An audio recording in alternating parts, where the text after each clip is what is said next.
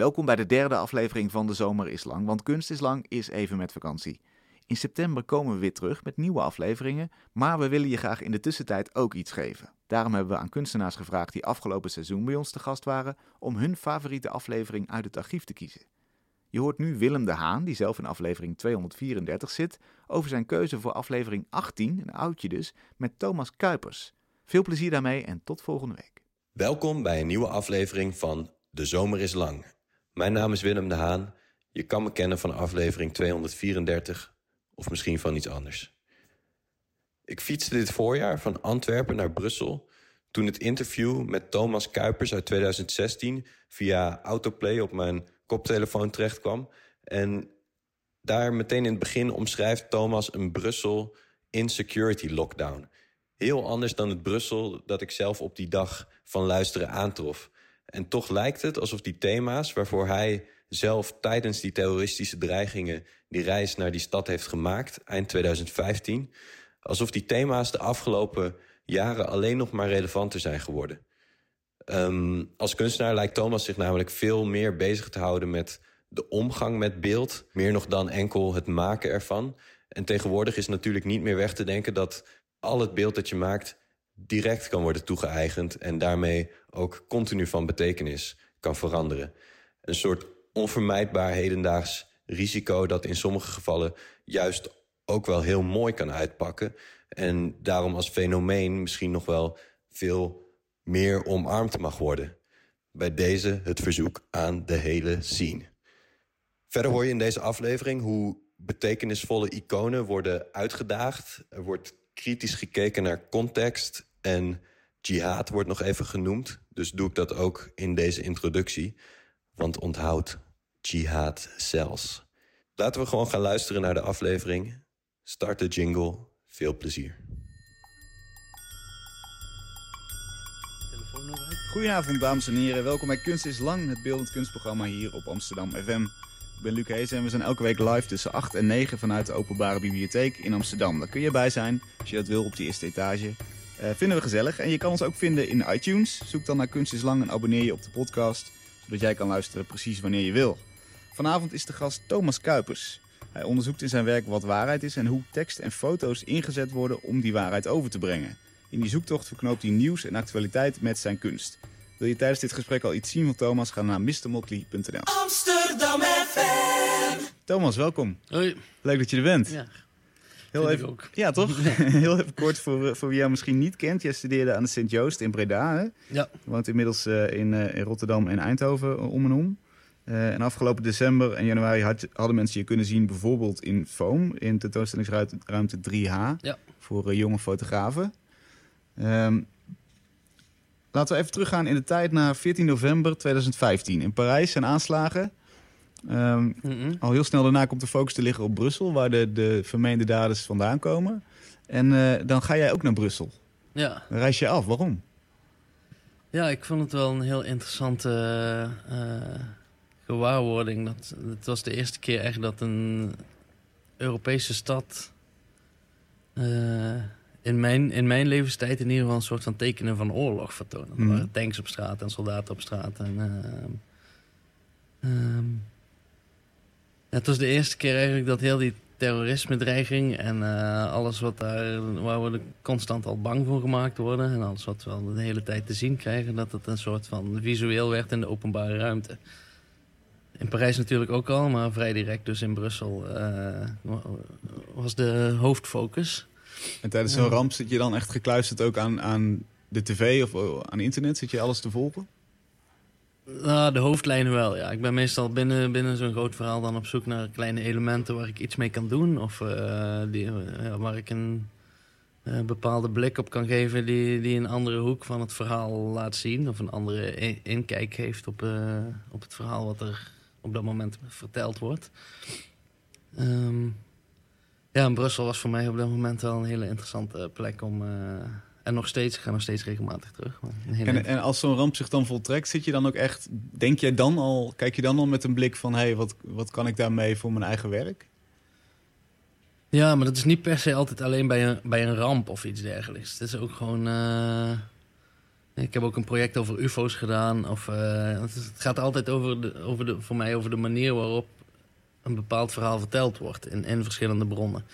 En ehm, nou, wat voor mij interessant maakt aan zo'n ramp is dat, het, dat er heel veel bronnen zullen zijn die, daar, eh, die dat verhaal gaan vertellen. Mhm. En eh, ja, als er veel bronnen zijn en veel verschillende kanalen waarin het verhaal wordt verteld, dan zullen er ook veel verschillen zijn en veel eh, verschillen in nuance en vers- verschillen in de manier waarop ze de nadruk leggen op bepaalde aspecten van het verhaal. En ja, dat soort dingetjes vind ik juist wel interessant voor me. Daar, daar zoek je naar. ja, ja, ja. En, en wat is één zo'n belangrijk verschil? Of wat is het eerste verschil wat jou is opgevallen? Misschien minuten of, of, of uren na zo'n ramp? Ehm, nou ja, het belangrijkste verschil was wel hoe het voelde om daar op straat te zijn... in vergelijking met hoe het geportretteerd werd in de, in de, in de berichtgeving. Media. Want hoe snel Ja. was je daar in, in Brussel? Eh, ik denk...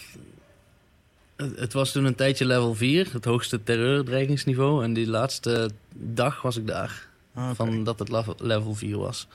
Dus dat is een week of zo? Of, of hoe? Ja, ik geloof vier dagen. Vier dagen, eh, ja. eh, ja, zoiets. Ja. Heel snel, dan zie je dus op het journaal... iedereen gaat naar Brussel, eh, wijk Ja. dicht, eh, inderdaad tanks, leger paraat. En, en wat, wat, wat hoop je daar dan te vinden? Nou, ik, ik, hoop dan, ik ben dan niet per se op zoek naar iets, maar ik, ben daar gewoon om te ervaren hoe die, hoe die, hoe die sfeer dan is in zo'n eh, in zo'n scenario. En, eh, en hoe, hoe het aanvult of aansluit, of juist helemaal niet klopt met hetgeen wat ik vanuit thuis op internet en op tv heb zitten kijken. En, eh, ja, op, op het moment dat je daar dan bent, dan, dan kan je dingen veel beter duiden of zo. En dan. Leg eens uit, wat, wat, wat kwam je tegen toen je daar eh, kwam? Nou, het, was, het was sowieso was de militaire aanwezigheid al iets teruggeschroefd. Dus het was veel minder intens als je dacht. En de straten waren gewoon leeg. En, ehm, ik het, het voelde juist helemaal niet dreigend of zo. Niet zo eh, vanuit, eh, vanuit mijn scherm leek het allemaal een stuk dreigender... als wanneer toen ik er zelf middenin stond. En, het was gewoon een soort van, ja, wel een verlaten stad. Maar, en alle kroegen waren dicht en alles was een beetje anders is anders. Maar Mhm. dat het per se een, een dreigende situatie was, dat durf ik niet te zeggen. En, eh, En hoe werkt het dan in je hoofd? Wat, wat ga je daarmee doen met dat gegeven? nou, ik heb toen die, tijdens die terreurdreiging eh, niveau level 4 heb ik een eh, parkeerbon van de straat geraapt. Die gegeven was tijdens dat terreurdreigingsniveau level 4. En dat vond ik eigenlijk iets heel eh, relativerends. Die heb ik ook in laten lijsten. En dat was gewoon dus een parkeerwachter die zijn werk aan het doen was tijdens de hoogste terreurdreigingsniveau. Ja, precies. Wat voor mij een soort van eh, symboliseerde dat alles gewoon doorgaat. Zelfs dat, weet je wel. En eh, ja, dat, dat, ja. Dus op die manier komen er langzaam een soort van dingetjes die ik vind en dingetjes die ik, eh, ja, die ik dan daaruit ga zetten. En, En, Ja. en jij bent zelf fotograaf, hè? opgeleid als fotograaf. ja. Ehm, doorzie je dan ook sneller de trucjes van bijvoorbeeld nieuwsfotografie? Of denk je ook al in, instant zeg maar van nee, dit kan niet kloppen of dit is heel ge, geframed? Ja, maar dat, dat zie ik eigenlijk al vanaf het begin van mijn opleiding. Gewoon dat, dat, dat is ook de reden dat ik uiteindelijk eigenlijk vrijwel helemaal gestopt ben met fotograferen. En vooral ben gaan focussen op het onderzoeken van hoe werkt een foto en wat is een foto. En eh, eh, hoe kan je een, een bepaald narratief sturen met het beeld wat je er, eh, eraan toevoegt. En, dus het maken van een foto is voor mij een stuk minder interessant geworden. Gewoon tij- tijdens de masteropleiding eigenlijk. Die ik, Maar is het dan omdat dat per, per definitie subjectief is of zo? Of, of wat stond je daarin tegen? ehm, nou, ik vind het vooral ik vind het, vind het interessanter om te bekijken wat, wat het effect is van een beeld. Ehm, zodra het gewoon een belangrijk eh, eh, element van een verhaalsvertelling wordt. En daarbij vind ik het minder interessant om mijn eigen beelden te onderzoeken. Eh, en om bij mijn eigen beelden te kijken hoe, ehm, ja, wat voor effect ze hebben. Ik vind het interessanter om te kijken ho- eh, wat een beeld wat al in de publieke ruimte circuleert of in de medialandschap circuleert. Om te kijken hoe, welke rol dat beeld heeft gekregen in zijn bestaan en eh, hoe die rol misschien ook op een andere manier bekeken kan worden. En, eh, Ja, nog zo'n voorbeeld daarvan is ehm, een, een foto die ook eh, verspreid is in de tentoonstelling Hacking Habitat in Utrecht. In een voormalige gevangenis, heel toepasselijk allemaal. Hangt een, ik stond op de wc, ik zag een poster. eh, eh, missing Salah Abdeslam. Dus de, de, de, de voortvluchtige verdachte dader. ja, En ik was heel erg vertwijfeld eigenlijk. Want ik dacht, hé, hey, is dit nou een kopie van iets wat, wat zou hangen daar in, in Brussel of verspreid is door de autoriteiten? Of is het inderdaad een soort van persiflage? En nou, op een gegeven moment voel je wel, ja, dit is te, te liefdevol bijna om het, eh, eh, om het echt te kunnen laten zijn. Maar, maar dat is dus zo'n subtiele ingreep van jou wa- waarbij je een beeld pakt en het een andere ja, ja, ze weten trouwens niet dat ik die daar opgehangen heb. Dus eh, Oké. het is een soort uh, guerrilla-actie. Oh, nou, die is bij deze Ja. geëindigd. Sorry daarvoor. ja. Maar ik heb die poster inderdaad ook in Brussel opgehangen. Ja. Ehm, ook iets wat me daarop ging vallen toen ik daar rondliep... was dat er heel veel van die vermiste personen posters hingen. En ehm, het was precies hetzelfde moment als toen duidelijk werd... dat hij nog de enige overlevende eh, aanvaller was van de Parijs-aanslagen. Ja. En dat hij dus ook nog voor het vluchter is. En ehm, zijn- zijn hoofd werd overal verspreid in eh, Wanted, eh, eh, Dead or Alive, zeg maar. Gewoon een soort van Gezocht poster, ja. Ja, de meest gezochte crimineel van Nederland. En, of van heel Europa. En ja, ik, ik, die twee dingen die, die, die werden één. Zeg maar. Ik zag die steeds die missing poster. Ik denk, als ik nou zijn hoofd in zo'n missing poster doe... en al zijn gegevens die ik uit zo'n eh, wanted brief kan halen Hmm. gaan mensen dan zijn foto ook op een andere manier benaderen? Eh, krijgt, krijgt hij een andere vooringenomen blik eh, toege- toegewezen als hij missing is in plaats van wanted? Gewoon door het veranderen van één woord. ja. Of zo'n foto op een andere manier bekeken kan worden. En, ja, de meeste mensen die het gezien hebben... gingen er niet meer direct vanuit dat het om een dader ging. Ook Mhm. al zit dat, die foto wel ergens in hun achterhoofd natuurlijk. Maar het werd heel, heel even kreeg die foto weer de voordeel van de, het voordeel van de twijfel. En, eh, En wil je daarmee dan laten zien dat ehm één zo'n woordje boven zo'n foto die betekenis stuurt? Of, of wil je ook een soort van sympathie, eh, sympathie daarmee mee aangeven? nee, nee, absoluut geen sympathie. Maar het is wel de, de manier waarop je een foto inkadert... is heel tekenend voor de manier waarop die gelezen wordt. En, Ja. eh, dat geldt dus zelfs voor de eh, meest gezochte crimineel van eh, Europa. Ja, Waarvan iedereen het gezicht ondertussen kent. ja. Want dat effect had het wel op Ja. mij. Ik, dacht, ik ging wel naar hem kijken op een manier van... Ik dacht, hé, hey, dit is best een vriendelijke knul of zo. En dan Ja. lees je, hij is 1,75 hoog. Dus het is, een, het is een relatief klein mannetje. Ja, hij ziet eruit alsof hij... nou ja, hij ziet er niet, niet, niet misdadig uit of zo. Nee. En- nee, dat, is, eh, dat vind ik juist. Het, het, het gaat absoluut niet om sympathie en zo. Dan gaat het eigenlijk nergens om in mijn werk. Om, Mm. eh, om sympathie uit te spreken voor de ene of de andere partij. Of, Ja. dat, ik probeer me daar wel zo neutraal mogelijk in te houden. Maar het gaat me vooral om de beleving van een beeld en hoe je dat kan sturen. En inderdaad, met zo'n de, de, meest gezochte crimineel, dat je het zelfs al kan sturen door er letterlijk een ander frame omheen te zetten. En dat dat dan werkt, dat vind ik wel. ja. Noem nog eens iets wat je in Brussel hebt, hebt opgepikt terwijl je daar rondliep. Eh, ja, dat is iets wat ik nu aan het ontwikkelen ben. Ik eh, zag er een shampoo-doos over de straat eh, zwerven. Maar ik, op het begin zag ik niet dat het een shampoo-doos was. Er lag gewoon een, een doos op straat met Arabische tekst erop. Hm?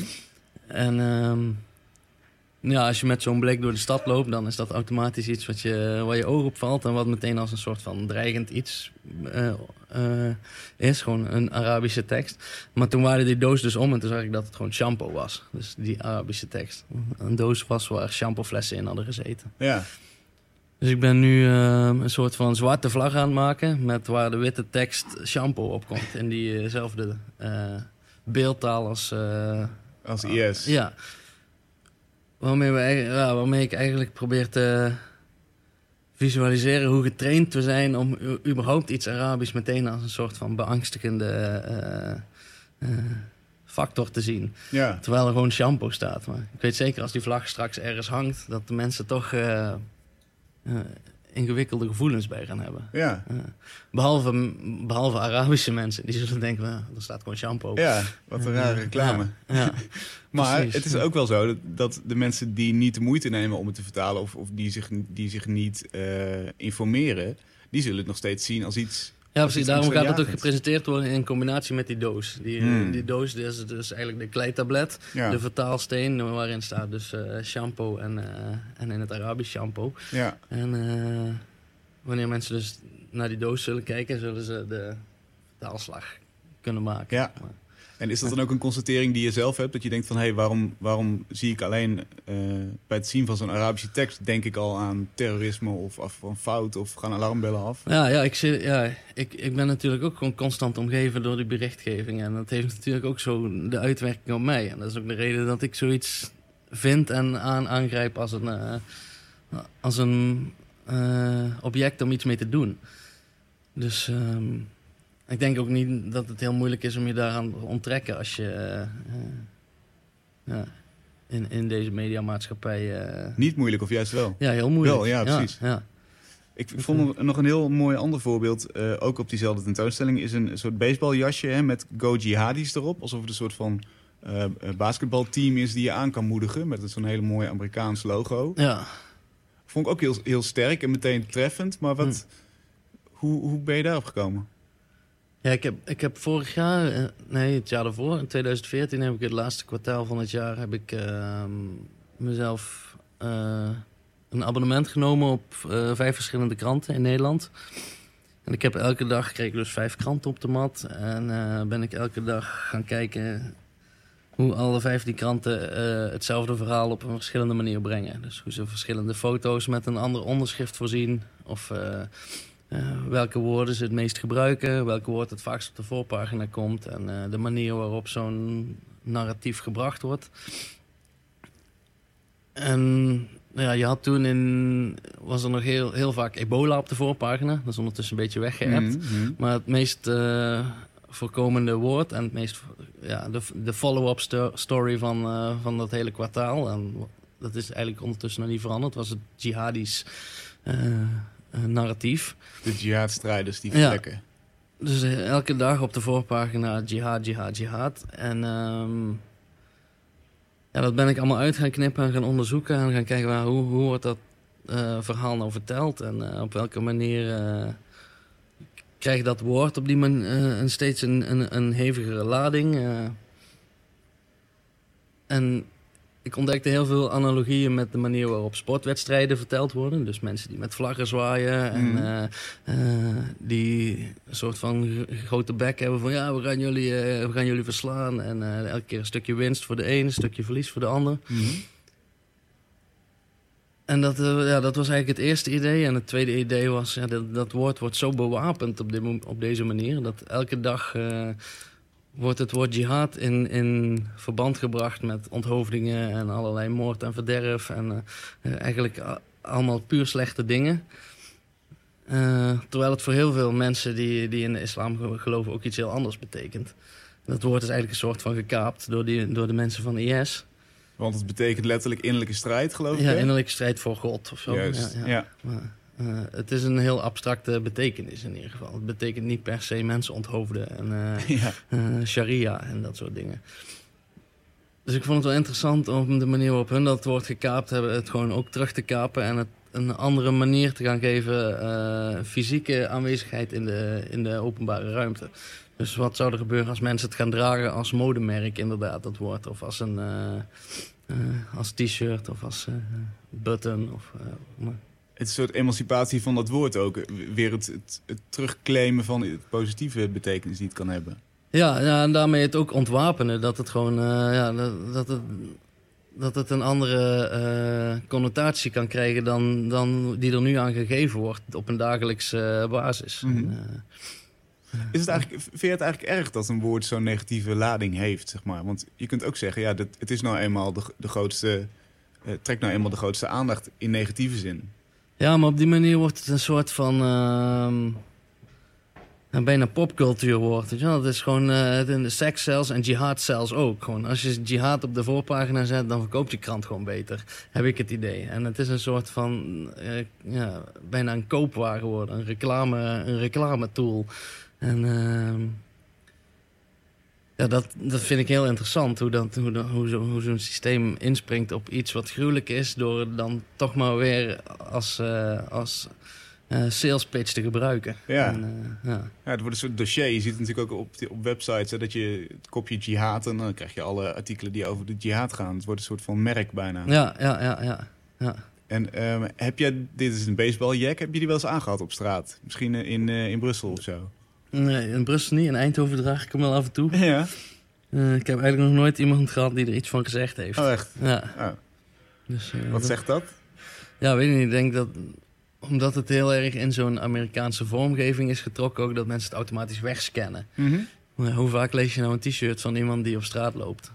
Nee. Ik vraag me wel eens af of mensen hun eigen t-shirts wel lezen. Oké, oké. Ja. Okay. Dus, uh, maar dan, is, is dan je missie wel geslaagd? Of, of, want het is blijkbaar alleen in kunstcontext is het dan...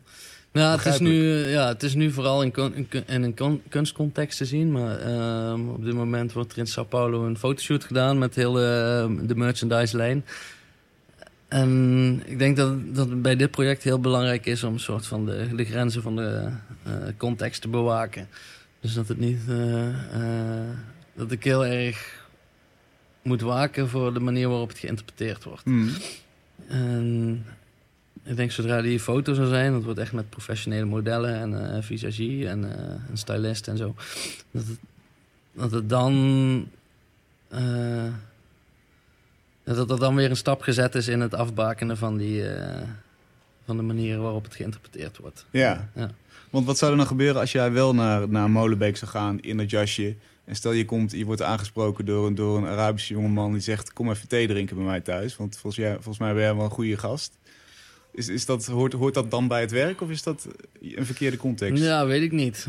Ik, ik vind het interessant omdat ik niet zou kunnen voorspellen wie daar iets van zou gaan zeggen. Mm. Het zou natuurlijk, er zou een extreem rechts iemand iets van kunnen zeggen. Er zou een extreem links iemand iets van kunnen zeggen. Of een religieus iemand. Maar het is gewoon onvoorspelbaar wie, wie zich offended zal voelen of wie het super cool zou vinden. Of, ja. Uh, en, uh, ja, dat, dat vind ik het juist een interessant ding worden. Als, als, als, als je kan voorspellen dat één, één bepaalde groep mensen zich uh, aangesproken zal voelen of uh, beledigd worden, dan is het propaganda. Hmm. Dat is gewoon ja, nooit de bedoeling van, ja. van een kunstwerk, denk ik. Ja. Oké, okay, maar, maar je, bent wel gevleid als een echte jihadstrijder zou zeggen van... hé, hey, tof jasje.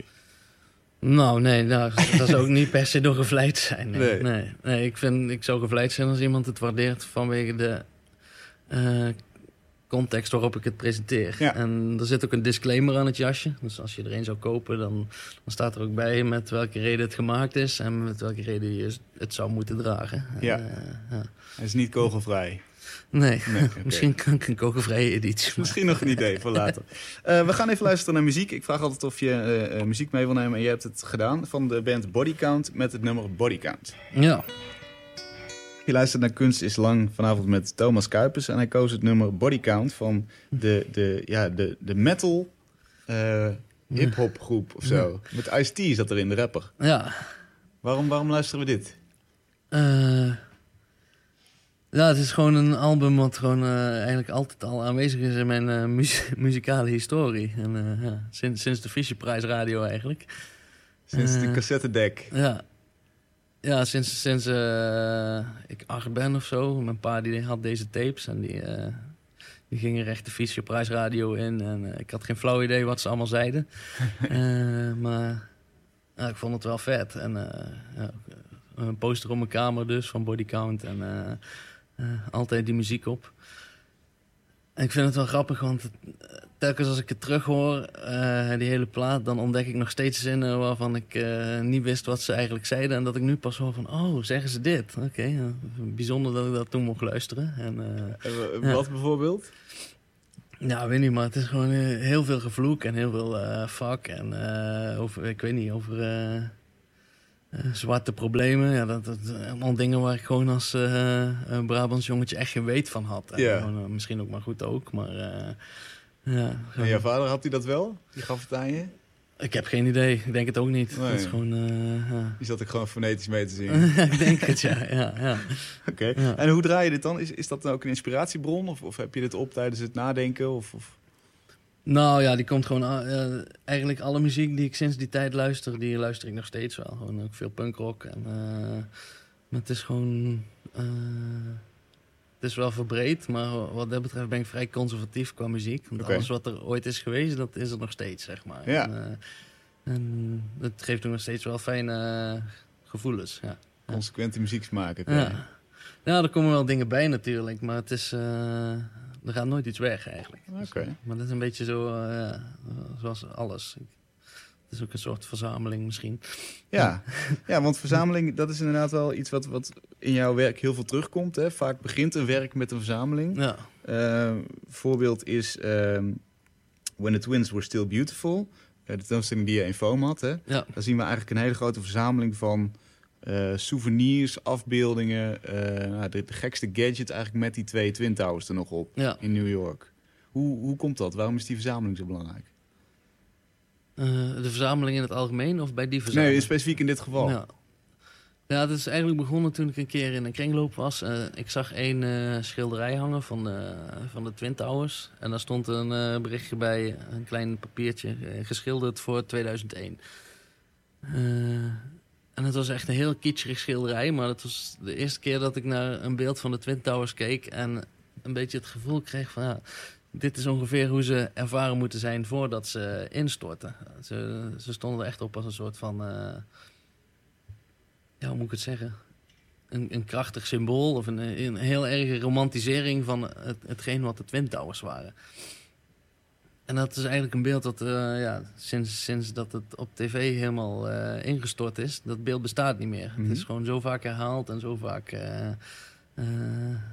Bij iedereen, als je het woord Twin Towers zegt, denkt aan die instortende torens. Ja, Dat beeld van daarvoor bestaat niet meer. Ja, Eh, is iets overheen gelegd of weggehaald Ja. eigenlijk, beter gezegd. en ik vond het heel interessant dat, dat ik eh, dat die vliegtuigen heel even op pauze gingen en dat ik even weer een glimp, een glimp kreeg van hoe dat beeld voor die ramp eh, ervaren moet zijn geweest. En dat is eigenlijk het, begin, ja, het beginpunt geweest van eh, met dezelfde strategie als dat het beeld kapot is gemaakt. Met diezelfde strategie proberen om het beeld weer op te wekken. Dus toen ben ik gewoon alles gaan verzamelen waar op die torens nog op die manier afgebeeld zijn. Eh, met als einddoel dus een soort van overkill te maken aan, aan dat, dat beeld juist weer. Ja, Zodat mensen weer even de kans krijgen om het beeld te ervaren zoals het ooit is geweest. en, en lukt dat? Is het, is het in jouw hoofd weer terug bij het oude? Ja, lukt dat? Ja, nou ja, het is, ze, ze noemden me niet voor niks in de museumtekst een, een moderne Don Quixote. Ik bedoel, zoiets lukt natuurlijk nooit. Nee. Maar misschien lukt het wel voor twee seconden of zo. Als iemand binnenstapt uh, stapt en, eh, en zo overrompeld wordt door dat beeld. Misschien, eh, of misschien lukt het maar voor één seconde, maar dan is het toch even gelukt. En Ja. dan, eh, ja. Ik vond het interessant werk omdat het ook eh, het belang van één beeld relativeert. Het, het laat zien dat, dat beelden komen en gaan. En dat het niet alleen maar dat één zo'n beeld niet voor eeuwig blijft bestaan. En, en als je dat weet, dan ga je ook anders kijken naar de beelden die je nu al kent. Ja. ja, maar ik denk wel dat, ze, dat een beeld een ander beeld kan overschrijven op Mhm. een hele brute manier. Zoals in dit geval gebeurd is dus. Want dat beeld bestond ooit en het is gewoon eh, op een hele harde manier overschreven met een nieuw beeld. Er is een nieuw beeld in iedereen's hoofd gezet van, Ja. eh, gerelateerd aan het woord Twin Towers. En, eh, ja. Dus ik denk ja, dat alle beelden wel onderhevig zijn aan verandering. Ja. En, en wil je met je werk dan eh, die verandering versnellen of, of wil je er iets aan toevoegen? Nee, ik wil denk ik juist vooral die verandering duiden. Gewoon eh, eh, even mensen even laten voelen dat dit niet het beeld is, maar dat er ooit een ander beeld bestond. En mensen de kans geven om ook weer even dat beeld te ervaren. Eh, ik denk dat dat wel een, eh, op een, in, een, in, een breder, in een breder zichtveld een, een belangrijk iets is om, eh, om mensen te laten voelen. Dat er altijd een ander beeld bestaat. Mhm. Ja. Ehm, in jouw, jouw artist statement op je website zeg je... mijn werk laat eigenlijk zien hoe moeilijk het is om de waarheid te vatten... en dat in tekst en beeld uit te drukken. Eh, waarom is dat zo, zo moeilijk? Waarom is dat zo ingewikkeld? Ja, omdat de waarheid gewoon niet bestaat als fysiek ding, als tastbaar ding. En die wordt wel vaak ge geclaimd als een fysieke eh, of een uh, uh, visuele uiting. Mm -hmm. en ja, dat zorgt natuurlijk voor een hoop fouten en dingen die misgaan. En ja, dat, omdat het gewoon niet kan. Je kan de waarheid niet vastleggen of vereeuwigen. Wat, wat gaat er dan mis? Is, is dat altijd een subjectieve versie op een waarheid? Of zeg je überhaupt, er bestaat helemaal geen waarheid? Nou ja, als een, een iemand een versie A van een verhaal ge geeft... dan is er altijd ook nog een versie B en een versie C. En uh, nou, als iets uh, meerdere versies heeft... is het bij, bijvoorbeeld al nooit obsolet. Dan is het nooit gewoon één ding. Uitsluitend, ja. ja. Dus... Maar hoe ver ga je erin? Want zeg je dan bijvoorbeeld ook uh, iets als de zwaartekracht of zo? Is, is, is dat dan wel waar? Of word ik nou heel filosofisch? Nou ja, zelfs op het gebied van de wetenschap ontdekken ze af en toe dingen waarvan ze dachten dat het anders was.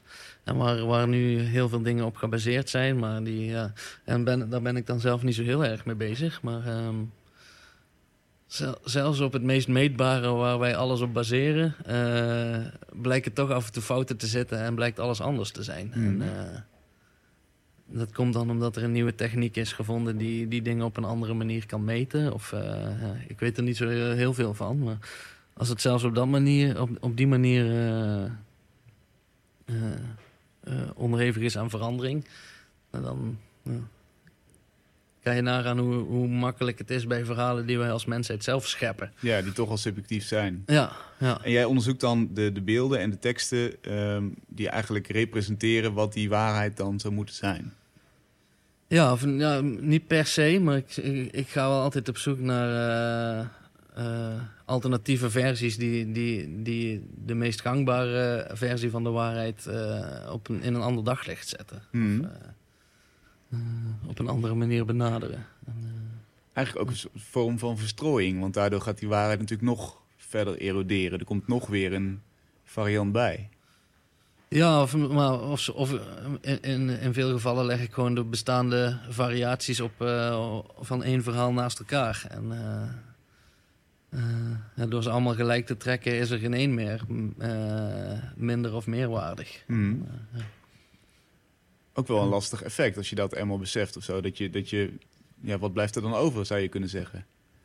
Hoe, hoe sta je daar zelf in? Ja, ik denk dat iedereen uiteindelijk toch wel een soort van voor zichzelf een waarheid bepaalt. Uh, maar als je die baseert op uh, meerdere bronnen, dan is die altijd uh, steviger, denk ik, als wanneer je gewoon één bron voor, voor waar aanneemt. Of één versie van een verhaal uh, ja, accepteert. Mm -hmm. ja. En in het geval van uh, de posters waar we het eerder over hadden, hè, daar, daar voeg je natuurlijk een soort nieuwe betekenis toe, een nieuwe laag. Ja. Is dat, wordt het beeld daardoor completer, denk je? Wat, wat wij hebben van die, van, die, van die kwestie, van die persoon? Nee, nee. Ik, weet niet, ik denk niet dat het iets toevoegt aan het, aan het uh, narratief wat rond, rondom die persoon bestaat. Hmm. Uh, want we weten eigenlijk niks van hem. En dat is gewoon uh, uh, bewust zo, denk ik.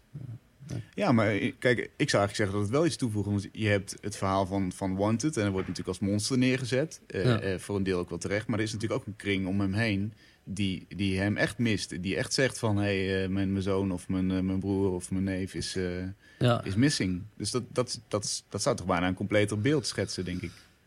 Ja, ja, dat is de vraag hoe relevant het beeld is voor, uh, voor, uh, voor, voor, de rest van de kijkers, zeg maar. Ja, dus, dus eigenlijk is, is wat je deed met die poster meer een illustratie van hoe het mechanisme werkt, hoe, ja, ja. Dan, dan deze concrete persoon. Ja, precies. Ja.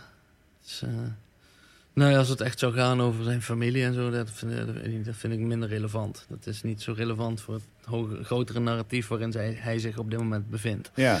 En, Stel dat er nou een, een, heel groot persbureau belt jou morgen en die zegt: uh, wil je bij ons komen werken en wil je, wil je bij ons laten zien hoe vanuit jouw visie nieuws werkt of de media werkt? Wat, hoe zou je dat aanpakken? Zou je dat überhaupt doen? Mm. Nou, ik zou er in ieder geval over nadenken. Dat zou ik wel interessant vinden, ja. Maar, ehm, En doe dat eens hardop. Wat, wat, wat zou je dan eh, als eerste aanpakken? Nou, ik zou als eerste mezelf afvragen of ik eh, mijn vertellingen via zo'n kanaal zou willen laten gaan. Eh, Veel ehm, macht, veel kijkers.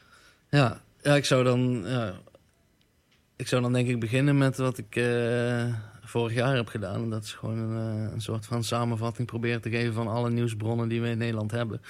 En elke dag eh, de verschillen duiden. Ik denk dat we daar best wel wijs van kunnen worden. Dat Mhm. we gewoon eh, eh, het verschil voelen van bijvoorbeeld een Volkskrant en een Telegraaf. En weten eh, op welke manier die beide nieuwsbronnen een, een bepaalde draai geven aan het verhaal wat ze brengen.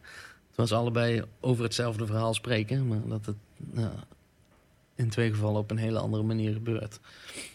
Eh, ik denk dat het wel eh, interessant zou zijn om, om dat via een bepaald kanaal elke dag naar buiten te kunnen brengen. Ja. Ja. En, maar, maar hoe voorkom je dan die, die eenzijdige blik? Want je hebt natuurlijk altijd de subjectieve, het subjectieve van één kanaal zijn. Ja, die kan je ook niet voorkomen. Niet het is sowieso niet te voorkomen als je bericht, eh, eh, bericht- berichtgeving maakt over iets wat eh, 5000 kilometer verderop gebeurt. Of Ja. nog verder. Eh, ja. Dan ben je altijd afhankelijk van, eh, van minuscule bronnetjes, weet je wel. Van mensen die daar... eh, van één iemand die daar zit en iets, eh, iets doorbelt of zo. Of misschien vijf mensen die daar zitten en iets doorbellen. Ja. Het is gewoon... eh, het is nooit te controleren. En, eh, ja.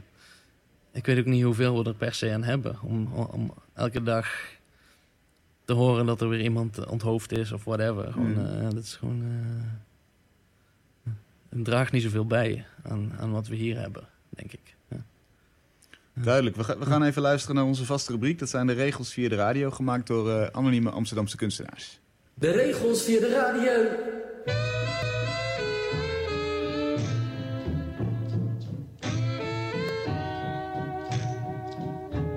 De regels radiowerk.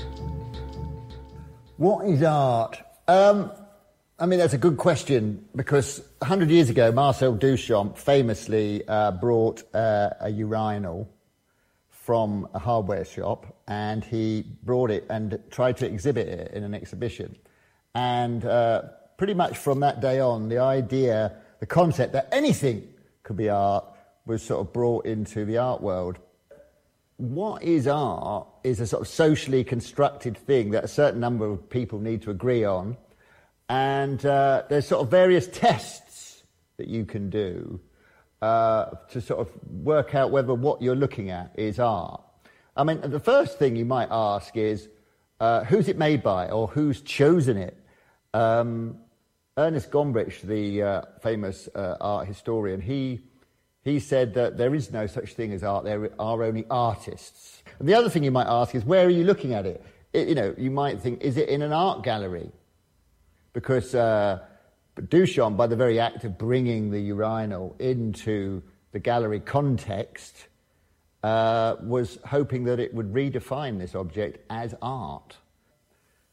I mean, one of the areas where I think it's, it's quite sort of blurry about what can be art is photography. I mean, we all take photography now. It rains down on us like sewage from heaven. You know, the, the number of, you know, photographs we're all taking with our camera phones. And, but is this art? So I asked Martin Parr, the famous and brilliant photographer, um, can you give me a definition of art photography? And he said, well, he said, if it's more than two and a half meters high and it's worth more than £10,000, then it's probably art. And I thought this was very good. And the other qualification might be that it's one of an edition of five.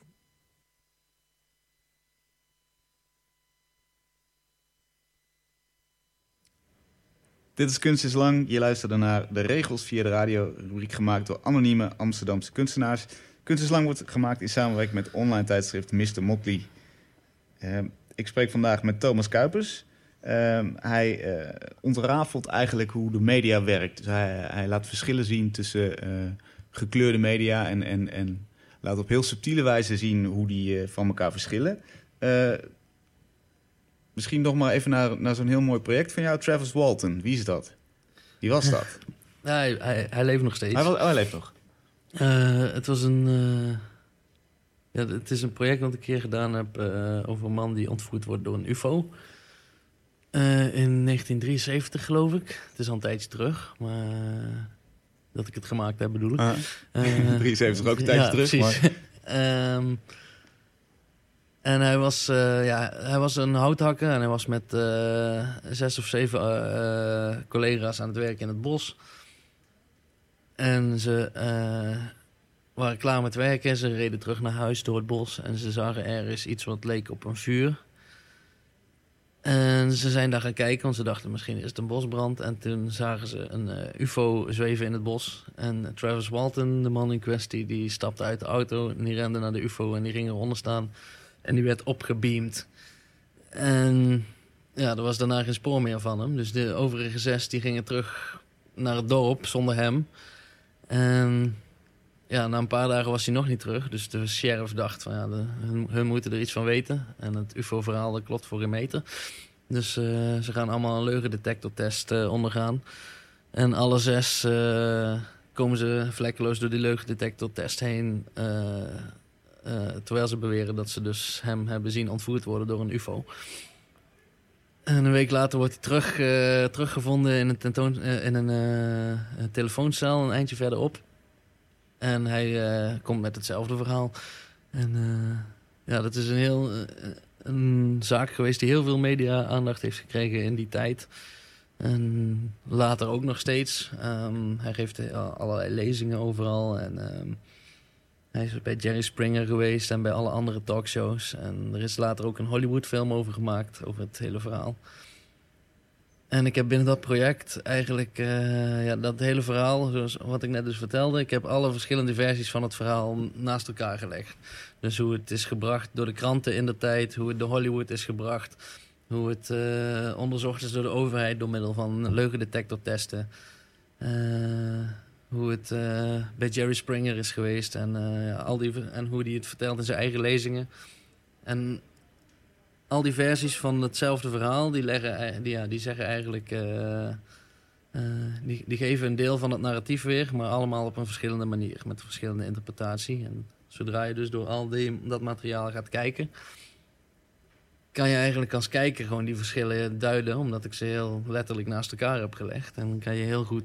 eh, voelen op welke manier zo'n verhaal een andere draai gegeven wordt door verschillende bronnen. En, dus, En, en wat, wat leert dat jou? Of wat, wat vond jij het opmerkelijkste aan al die verschillende verhalen? nou wat het mij vooral leerde was dat, dat, ik, dat het voor mij de eerste keer was dat ik echt zo'n grootschalige casus als, eh, als onderzoeksonderwerp nam eigenlijk.